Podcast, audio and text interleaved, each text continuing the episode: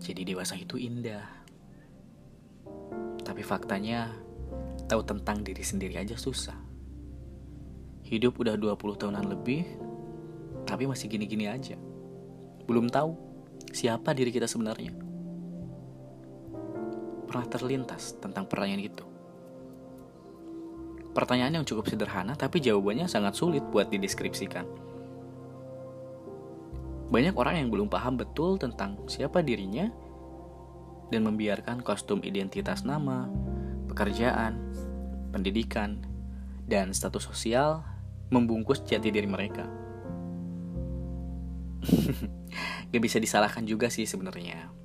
Karena ya memang benar bahwa semua itu bagian yang gak bisa dipisahkan dari pita hidup seorang manusia. Well, jujur good people, Reja pribadi belum sepenuhnya tahu dan mengenali siapa sih Reja sebenarnya. Gimana tipe dan karakternya, terus apa aja bakat terpendam yang dipunya, Sampai detik ini Reja masih berusaha untuk mencari jawaban itu gitu. Who am I? It's really important to knowing who am I. Sepenting apa sih tahu tentang diri sendiri? Hmm? Penting gak good people? Banyak psikolog yang bilang kalau udah kenal sama diri sendiri itu tandanya kita selangkah lebih maju menuju ke kebahagiaan. Artinya, kita akan lebih bahagia dong ketika kita bisa mengekspresikan siapa kita dan apa yang mau kita lakukan di masa depan.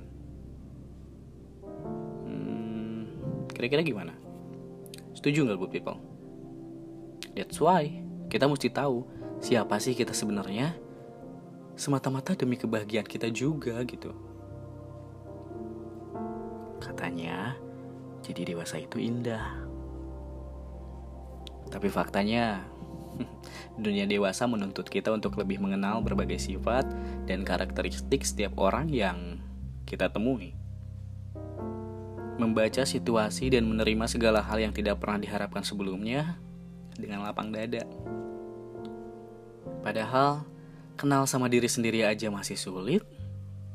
Ini harus bisa ngenalin orang yang baru kita temuin. Kadang hidup selucu itu ya. So, sebelum jauh mengenal orang lain, kita lebih kenal sama diri sendiri yuk. Well, good people. Sebelum kita jauh membahas tentang who am I, kita sepakati bersama dulu bahwa setiap orang itu dilahirkan dengan keunikannya masing-masing. Agree with that? Sepakat sama statement itu kan? Kita dilahirkan dengan peran kita masing-masing. Aku dengan peranku, kamu dengan peran kamu, dan kita ini beda. Kita ini beda. Beda dari yang lain. Dan gak bisa disamaratakan. Aku dengan kemampuan aku, kamu dengan kemampuan kamu. Sekarang gini deh. Siapa pun bisa bilang kalau aku tahu yang aku mau. Tapi, apakah dengan kalimat aku tahu yang aku mau itu udah bisa dikatakan mengenal dirinya dengan baik? Hmm, rasanya belum tentu. Karena sejatinya mengenal diri sendiri itu adalah proses. Proses dialog antara kita dengan diri kita sendiri. Artinya, ya kita sedang berbicara dengan diri sendiri melalui pertanyaan yang timbul dari diri kita juga. Gini deh sederhananya good people. Pertanyaan-pertanyaan ini mungkin sering muncul di benak kita tentang tujuan hidup gue apa sih? Hmm? Cita-cita gue apa ya? Ke depannya gue mau ngapain sih? Dari pertanyaan itu, yang tahu jawabannya siapa?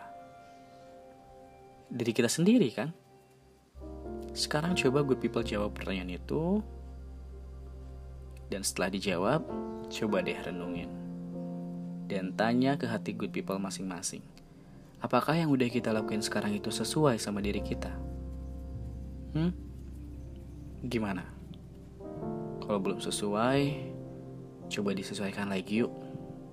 Jangan-jangan selama ini kita sibuk nih orang lain.